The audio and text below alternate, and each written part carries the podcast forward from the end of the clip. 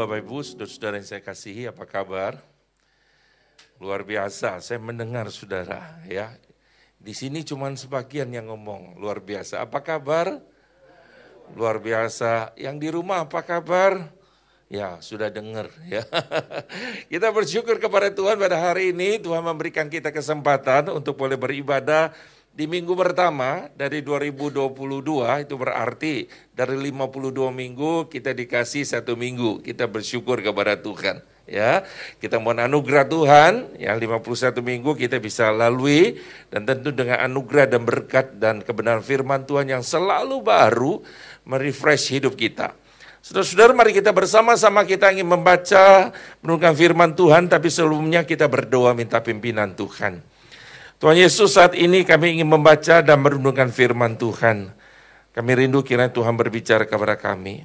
Di minggu pertama Tuhan kami percaya ada hal yang Tuhan ingin sampaikan kepada kami semua.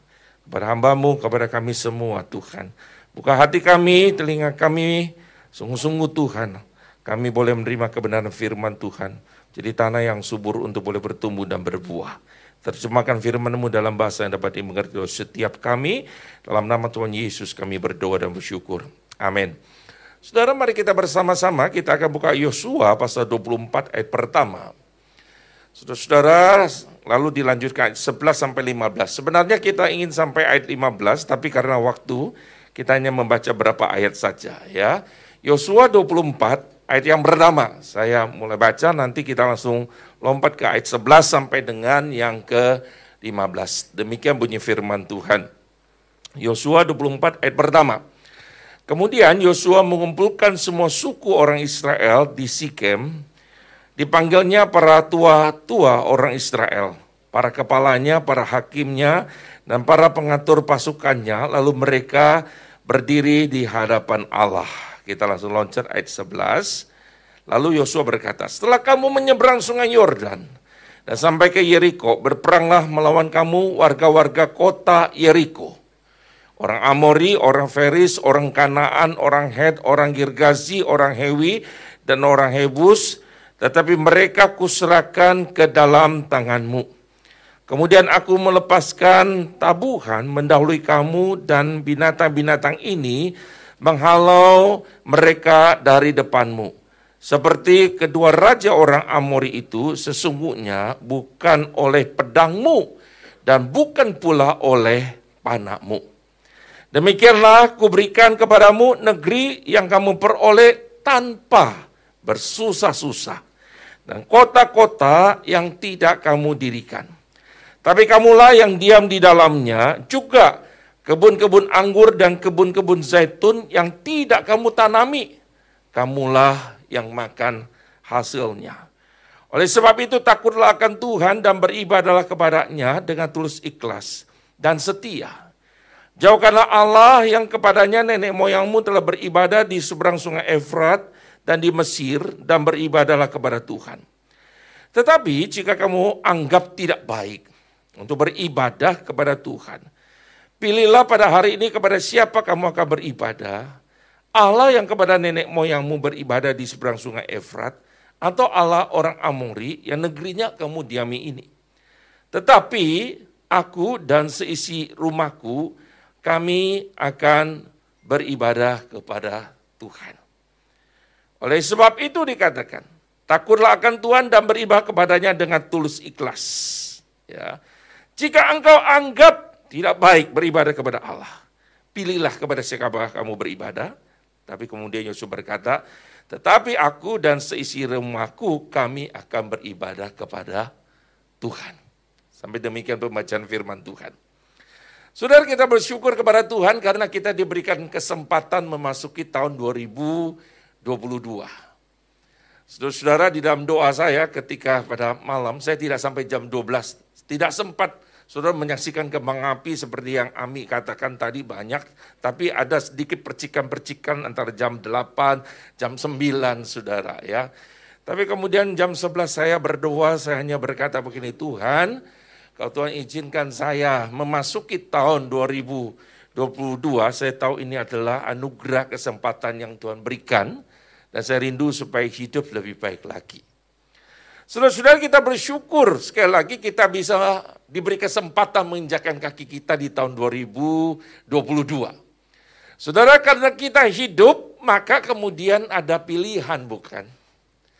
Saudara-saudara ada banyak hal yang kita bisa pilih tapi ada hal yang kita juga tidak bisa pilih. Saudara kita tidak bisa memilih untuk bisa memasuki tahun 2022 saudara. Itu semata-mata karena apa? Kemurahan Tuhan dan kepercayaan Tuhan kepada kita. Sekali lagi. Itu karena kemurahan dan kepercayaan Tuhan kepada kita. Saudara Tuhan mengizinkan kita melanjutkan hidup kita. Tetapi Tuhan yang memberikan kita kesempatan, juga Tuhan yang ingin kita atau melihat kita bagaimana menjalani kehidupan yang Tuhan percayakan kepada kita.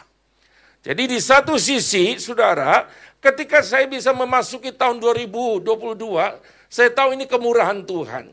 Saya tahu ini belas kasihan Tuhan. Saya tahu ini kesempatan Tuhan berikan kepada saya. Tetapi kemudian Tuhan juga ingin bagaimana saya menjalani kehidupan yang Tuhan percayakan itu, saudara. Dan itu sangat penting sekali. Saudara-saudara, mungkin sekali lagi tidak ada yang salah dengan pilihan kita. Tapi sekali lagi, apakah pilihan kita dalam menjalani hidup ini adalah pilihan yang terbaik? Itu permasalahannya, saudara. Sudah pilihan kita itu tidak salah. Tapi apakah itu pilihan yang terbaik? Sudah saya ingat dengan kisah saudara Maria dan Marta. Saudara tidak ada yang salah bukan dengan pilihan dari yang namanya Marta, saudara. Marta yang sibuk melayani, tidak salah saudara. Tetapi yang sangat menarik dan menggelitik hati saya adalah perkataan Tuhan Yesus yang berkata begini. Maria telah memilih bagian yang terbaik yang tidak akan diambil daripadanya. Dan Lukas pasal 10 ayat 42. Maria telah memilih bagian yang terbaik yang tidak akan diambil daripadanya. Di dalam bahasa Grekanya, Yunaninya bisa diterjemahkan begini. Maria telah memilih yang terbaik dari bagian-bagian yang baik, saudara. Saudara, waktu saya memikirkan ini, Maria telah memilih bagian yang terbaik dari bagian-bagian yang terbaik.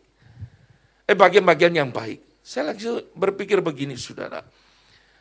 Kalau saudara yang suka makan ikan, saudara-saudara ikan yang seger, yang hidup, lalu kemudian ditangkap mau digoreng, mau ditim, begitu ya saudara-saudara. Saya ingin tanya sama saudara, kalau saudara disuruh pilih, ambil dulu, saudara ambil daging yang bagian mana? Halo? Ambil semuanya. Wah luar biasa saudara-saudara. Itu berarti saudara mau yang terbaik, maunya juga yang baik begitu ya. Saudara kalau ambil dulu, ambil dari mana? Saudara-saudara, biasanya saudara-saudara daging ikan nanti pulang praktekkan ya saudara-saudara ya. Tapi biasanya saudara kasih orang yang apa namanya yang kita cintai begitu ya, yang terbaik. Daging ikan itu biasanya yang paling baik itu ada daerah perut dan di daerah pipi. Banyak orang biasanya nggak ambil nih daging kepala ikan di sini pipinya, wah saudara coba ya ambil. Itu yang terbaik saudara. Dan daerah perut itu yang terbaik saudara. Jadi saudara kalau kemudian orang lihat kamu ambil daging ikan, kalau saudara ambil dari ekor dia tahu, ah ini tidak tahu makan. Tapi kalau kemudian bisa ngambil, eh, ambil perut dulu, ngambil pipinya ikan begitu. Ini orang tahu makan, dia bilang begitu. Saudara kalau saya bisa pinjam istilah ini, lalu saya menerapkan dalam kehidupan Maria. Maka kemudian orang akan berkata begini, Maria ini orang yang tahu hidup. Artinya saudara, orang yang tahu hidup. Dia tahu pilihan yang terbaik. Dia tahu bagaimana menjalaninya, saudara. Saudara, Rasul Paulus maka menulis ketika menulis surat kepada jemaat di Filipi, dia berkata, inilah doaku Semoga kasihmu makin melimpah dalam pengetahuan yang benar dalam segala macam pengetahuan. Sehingga, perhatikan, kamu dapat memilih apa yang baik supaya kamu suci dan tak bercacat menjelang hari Kristus penuh dengan buah kebenaran yang dikerjakan oleh Yesus Kristus untuk memuliakan dan memuji Allah. Saudara, supaya kamu dapat memilih apa yang baik, saudara. Saudara, hari ini adalah hari pertama di tahun 2022, minggu, pertama, minggu pertama di tahun 2022 kita diingatkan kembali akan pilihan yang terbaik yang harus kita putuskan, yang harus kita ambil di dalam mengiringi Tuhan. Saudara, mengapa Yosua mengumpulkan semua orang Israel, para tua-tua Israel, para kepala, para hakim, para pengatur pasukan di Sikem, saudara. Saudara, kalau kita melihat sejarah, sejarah bahwa Sikem itu ada sebuah kota lembah yang subur berada di dua pegunungan, saudara. Satu pegunungan Gerizim, satu Ebal, saudara. Saudara, kalau kita ingat perintah Tuhan kepada Nabi Musa di dalam ulangan 11 ayat 29. Maka jelas sekali saudara bahwa Tuhan berkata bahwa berkat itu harus disampaikan di atas gunung Gerizim. Dan kutuk itu disampaikan di atas gunung Ebal. Jadi sudah ada dua gunung di tengahnya lembah. Saudara-saudara ini Sikem saudara. Jadi dengan kata lain sekali lagi, bahwa sikap ini adalah sesuatu hal yang serius, artinya itu berada antara berkat dan kutuk, saudara. Ini sesuatu yang sangat serius atas pilihan mereka, antara hidup dan mati, saudara. Saudara Sikem adalah bukti sekali lagi kehadiran Tuhan dalam hidup dari Bapak beriman yang namanya Abraham. Saudara pada waktu Abraham, waktu dalam perjalanan dia dari Ur sampai ke tanah Kanaan. Tibalah tempat pertama di Sikem, saudara. Ini tempat pertama Abraham kemudian membangun mesbah di sana. Saudara, kenapa Abraham membangun mesbah di sana? Karena sekali lagi Abraham menyadari bahwa Tuhan hadir, Tuhan yang berjanji pada waktu itu, Tuhan yang menepati, Tuhan yang setia yang ada di dalam kehidupannya, saudara. Saudara-saudara, walaupun Sikem pernah saudara ada sebuah tragedi dalam kehidupan dari anak-anak Yakub kalau sudah membacanya. Tapi saudara-saudara, menurut beberapa penafsir, pada zaman Tuhan Yesus, daerah Sikem itu adalah daerah di mana Tuhan Yesus yang kemudian bertemu dengan wanita Samaria. Di situ pun satu peristiwa Tuhan memulihkan keluarga, memulihkan seorang wanita Samaria untuk kembali mendapatkan anugerah Tuhan. Saudara-saudara, Yosua memilih Sikem sebagai saksi bagaimana komitmen iman mereka kepada Tuhan yang sesungguhnya. Saudara Sikem ini di dalam bahasa Ibrani itu berarti punggung atau bahu. Saudara di dalam perjamuan makan, orang-orang Israel biasanya mereka itu memberi namanya sikem dari daging binatang itu kepada tamu kehormatannya. Yang menunjukkan bahwa mereka menghormati tamunya dan memberikan yang terbaik kepada tamunya. Saudara ini yang terjadi dilakukan oleh Samuel pada waktu dia mengundang Saul untuk diurapi jadi raja pada waktu itu dalam 1 Samuel pasal 9 ayat 23 sampai 24. Saudara, Samuel itu menyediakan daging yang terbaik dari binatang. Ada di bahunya, ada di pundaknya, saudara. Itu diberikan, saudara, kepada Saul karena menghormati Saul, memberikan yang terbaik. Jadi dengan kata lain sesungguhnya, sekali lagi diingatkan pada waktu di Sikem itu, seharusnya ini sebuah komitmen, sebuah pilihan, sebuah keputusan yang terbaik yang harus yang mereka ambil di hadapan Tuhan, saudara. Saudara-saudara, hari ini saya ingin mengajak kita bersama-sama kembali merenungkan. Di minggu pertama di tahun 2022 kita hadir, kita sedang beribadah kepada Tuhan.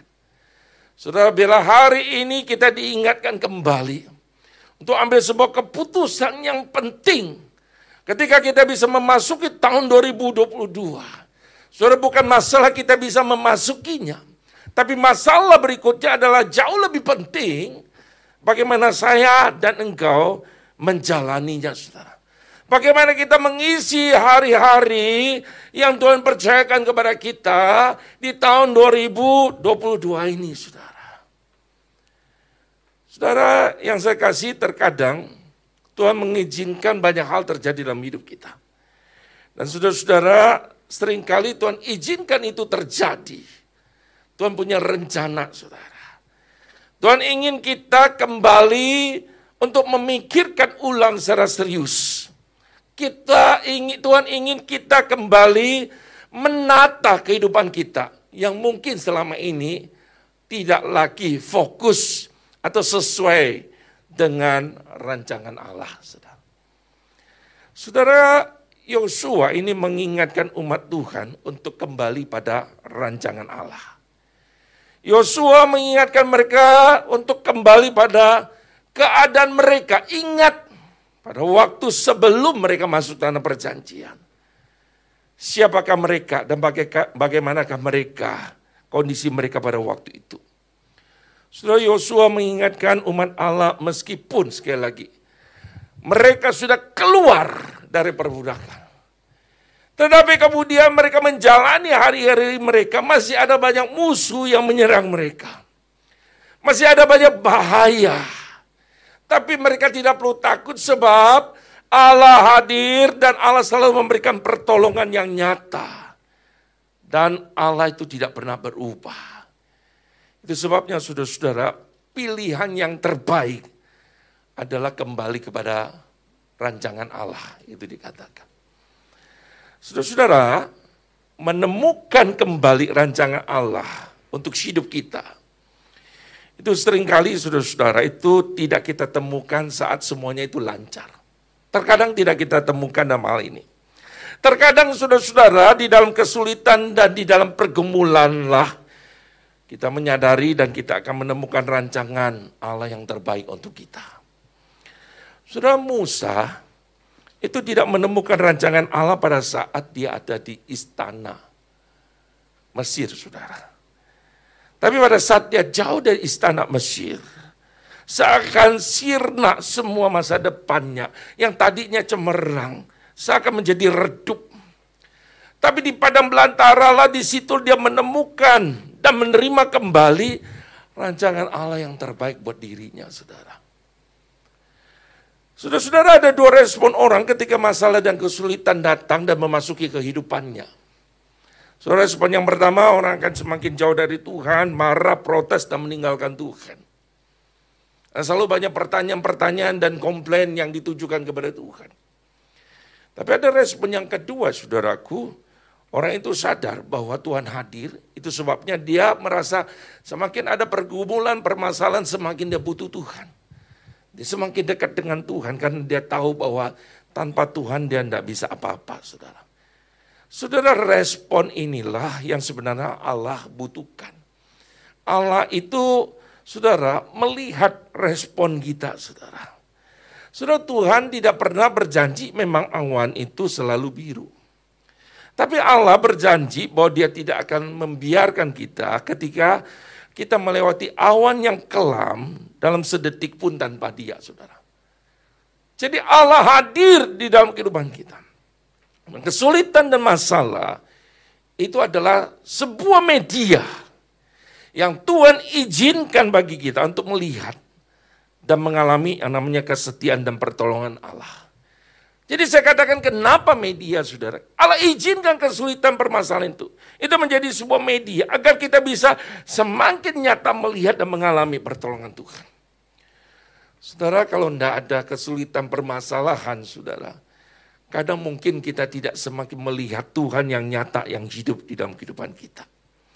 Saudara-saudara, Yosua di Sikem berkata kepada mereka, Ingatlah mereka harus kembali kepada Tuhan. Ingat mereka harus kembali pada rancangan Allah. Mereka harus kembali dalam keluarga Tuhan. Sekali lagi hidup di dalam rancangan Tuhan. Saudara mereka diingatkan bahwa sesungguhnya sampai pada hari ini ketika kesuksesan, keberhasilan demi keberhasilan yang mereka peroleh, itu bukan karena kekuatan mereka. Bukan karena mereka yang berjuang, tapi Allah lah yang berjuang untuk mereka. Mereka tidak perlu bersusah-susah untuk mendapatkan berkat Tuhan. Tuhan berkata, akulah yang menyediakan itu untuk kamu. Aku hanya ingin kamu tetap berada di dalam rancanganku. Itu penting. Saudara-saudara, kunci untuk tetap berada dalam rancangan Tuhan adalah takut akan Tuhan. Saudara, takut akan Tuhan itu penting. Yosua berkata, takutlah akan Tuhan dan beribadah kepadanya dengan tulus, ikhlas, dan setia. Saudara Daud dalam Mazmur 25 ayat 12 berkata begini, Siapakah orang yang takut akan Tuhan? Kepadanya Tuhan menunjukkan jalan yang harus dipilihnya. Saudara Mazmur 33 ayat 18 berkata begini, sesungguhnya mata Tuhan, perhatikan, tertuju kepada mereka yang takut akan dia. Kepada mereka yang berharap akan kasih setianya. Saudara itu sebabnya berulang-ulang Yosua berkata, takutlah akan Tuhan saudara. Setelah kita bersyukur kepada Tuhan, kita bisa melewati dua tahun dalam masa pandemik. Saudara kita bisa melewatinya karena kemurahan Tuhan. Karena Tuhan berbelas kasihan kepada kita dan juga karena Tuhan memberikan kesempatan kepada kita untuk menata kembali kehidupan pribadi kita, keluarga kita, dan gereja kita. Saudara-saudara, kalau kita berkata Tuhan thank you ya, untuk 2022 saya bisa memasuki, ini hari yang kedua. Ya Tuhan bilang, iya, itu karena belas kasihanku. Tapi kemudian kalau Tuhan ini bertanya kepada kita, kalau aku biarkan, aku berikan kamu kesempatan untuk meneruskan hidupmu, kira-kira apa yang kau akan lakukan dengan hidupmu? Saudara-saudara, tidak salah kita minta sama Tuhan. Kita bilang sama Tuhan, Tuhan aku mau dong di extend, ditambah umurku. Seperti Hizkia yang ditambah bukan 15 tahun. Tapi pertanyaannya Tuhan berkata begini, gampang Tuhan mau tanya, tambahkan 5 tahun, 10 tahun, 15 tahun, 20 tahun dalam hidup kita, 30 tahun, 40 tahun. Tapi kemudian Tuhan bertanya, dengan usia yang dipercayakan itu, engkau ingin mengisinya dengan apa? Bagaimana kita mengisinya? Sudah-sudah ini sebuah pertanyaan yang harus kita jawab, yang kemudian kita akan sampaikan kepada Tuhan. Sudah bagaimana kita menata hidup kita, pribadi kita, keluarga kita, gereja kita, dengan kesempatan umur yang Tuhan tambahkan, Tuhan percayakan kepada kita. Saudara tadi pagi saya berkata bahwa Tuhan itu lebih ter ter tertarik proses daripada hasil. Karena apa saudara? Karena dalam proseslah Tuhan ingin melihat respon kita. Dalam proseslah Tuhan menemukan iman yang sesungguhnya. Itu sebabnya Tuhan ingin kita hidup berproses dan kita berespon saudara. Saudara tahu tidak bahwa Tuhan tidak membutuhkan waktu 40 tahun untuk membawa bangsa Israel keluar dari tanah perbudakan untuk masuk ke tanah perjanjian. Saudara bukan Tuhan butuh 40 tahun. Tapi waktu 40 tahun adalah waktu yang Tuhan izinkan untuk siapa? Bangsa Israel. Supaya mereka berproses dan mereka berespon dengan benar, saudara. Jadi jangan kita berpikir Tuhan, kok 40 tahun? Tuhan bilang, gua sanggup kok. Mau sebulan, mau dua bulan, Mau Tuhan bilang dia pakai sehari, bawa mereka langsung masuk tanah perjanjian. Allah kita sanggup. Tetapi saudara, 40 tahun bukan waktu yang Allah butuhkan untuk membawa mereka keluar. Tapi 40 tahun adalah waktu yang Allah sediakan bagi mereka. Untuk apa saudara? Supaya mereka bisa berespon dengan benar. Saudara-saudara, orang bertanya, Sampai kapan pandemik ini berakhir? Nggak ada yang tahu. Kenapa dua tahun itu nggak cukup Tuhan? Apakah dua tahun nggak cukup? Tuhan bilang kalau besok aja Tuhan bilang berhenti bisa. Tapi jangan-jangan bahwa dua tahun Tuhan melihat ada waktu yang Tuhan sediakan bagi kita untuk berproses, untuk berespon. Atau jangan-jangan dua tahun tidak cukup. Tuhan bilang, aku akan tambah lagi tiga tahun supaya kamu bisa berespon dengan benar, supaya kamu bisa proses, mempersiapkan respon kamu dengan benar. Dan kamu mengisinya dengan baik. Saudara-saudara yang saya kasihi, Yosua diingatkan oleh Tuhan untuk sampaikan kepada bangsa Israel. Supaya mereka hari ini, mereka sungguh-sungguh sadar ambil sebuah keputusan untuk kembali pada rancangan Tuhan. Saudara, mereka harus ambil sebuah pilihan.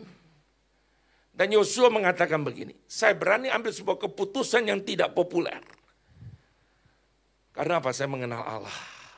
Sebabnya dalam ayat 15 dia berkata begini, tetapi jika kamu anggap tidak baik untuk beribadah kepada Tuhan, silakan pilih pada hari ini kepada siapa kamu beribadah. Allah yang kepadanya nenek moyangmu beribadah di seberang sungai Efrat, atau Allah orang Amori yang negerinya kamu diami. Tetapi dia bilang gini, aku dan sisi rumahku, kami akan beribadah kepada Tuhan. Dengan kata lain, sudah Yosua berkata, keputusanku aku tidak bergantung kepada pertimbangan tua-tua Israel, hakim-hakim, mayoritas umat. Sebab aku bukan Raja Saul yang lebih takut manusia daripada Tuhan. Aku memilih sebuah keputusan tidak populer, tidak apa-apa. Tapi aku tahu keputusannya keputusan yang terbaik, yang tidak akan diambil daripada aku. Aku dan si rumahku, aku akan beribadah kepada Tuhan. Saudara, hari ini kita ditantang bukan? Hari ini kita ditantang pribadi kita, keluarga kita, saudara. Masuk gereja kita. Saudara, apakah kita memilih pilihan yang tepat untuk kembali kepada rancangan Tuhan? Saya pribadi keputusan kita, saudara.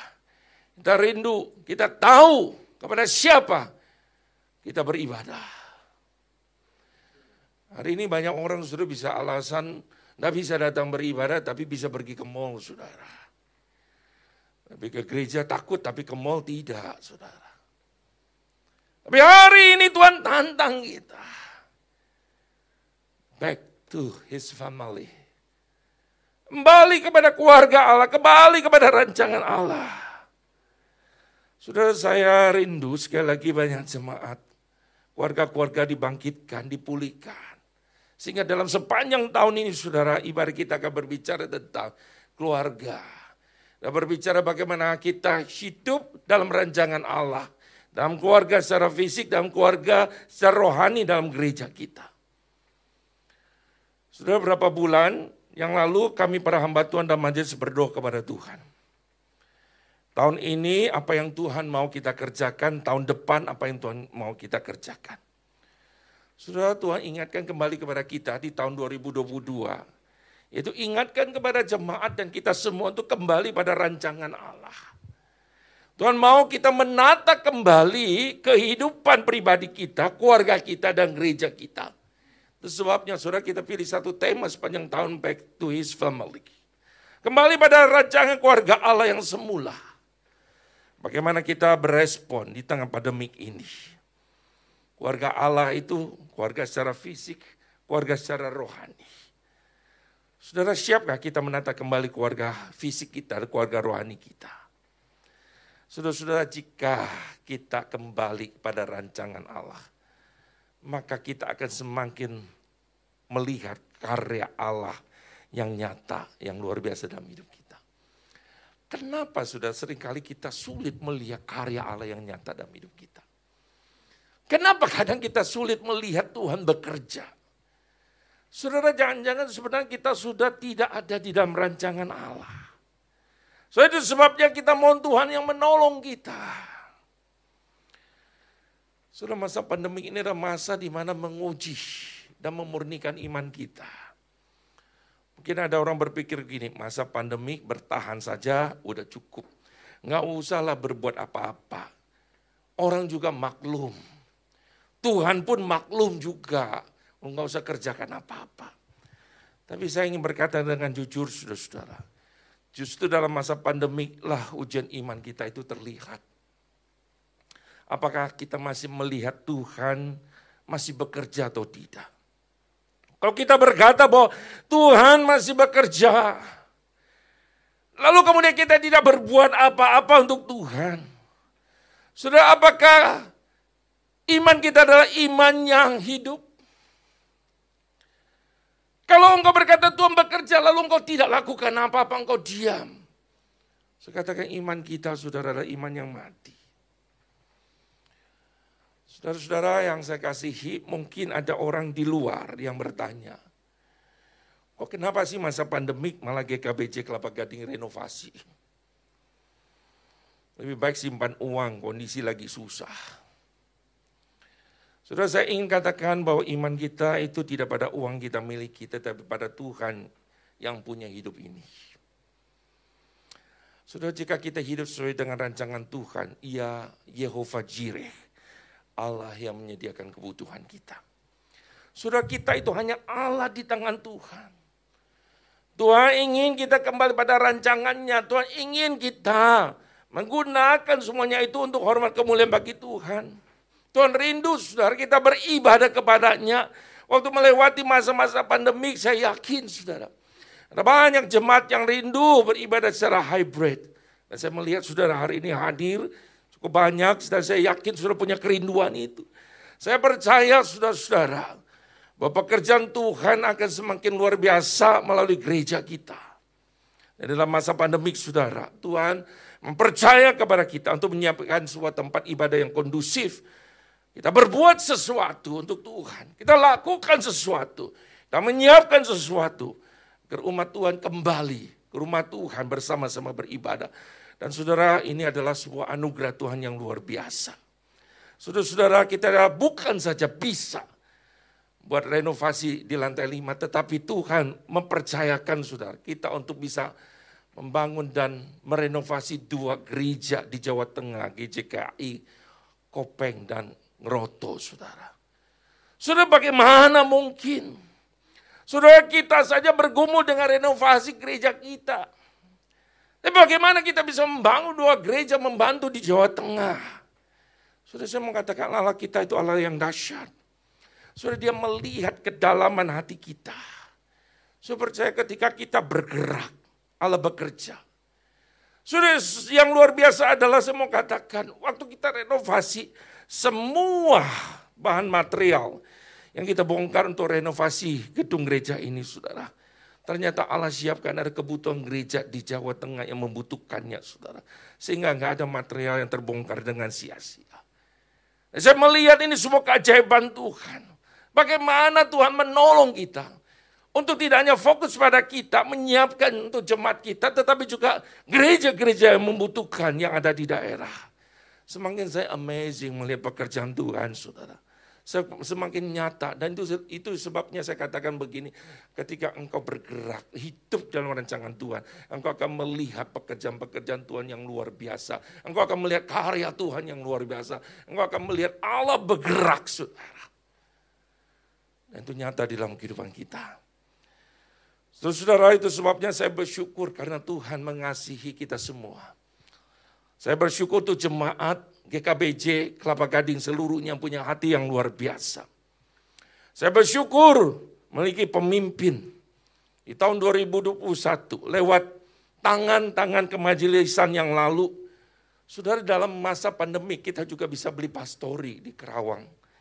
Dan majelis yang sekarang kita bisa coba menyiapkan tempat ibadah supaya saudara-saudara di bulan depan kalau Tuhan kendaki kita tidak akan ibadah di lantai tiga lagi, tetapi di lantai lima dan kita punya lantai enam. Saudara-saudara, Tuhan ingin kita siap masuk di dalam rancangan Tuhan. Tuhan ingin kita kembali kepada rancangannya. Tuhan ingin kembali kita menata hidup kita, keluarga kita, saudara. Back to his family, saudara. Dan minggu ke depan kita akan bicara tentang keluarga yang Allah rindukan itu, bagaimana rancangannya terhadap kita. Saudara-saudara saya berdoa hari ini. Mari saudara-saudara, engkau pilih sebuah pilihan yang terbaik. Engkau masuk dalam rencana Tuhan. Engkau terlibat di dalam pekerjaan Tuhan. Dan engkau akan melihat karya Allah yang semakin amazing. Real, nyata dalam kehidupanmu. Rindukah saudara kita mengalaminya bersama. Saya berdoa kiranya Tuhan menolong kita. Mari kita berdoa bersama.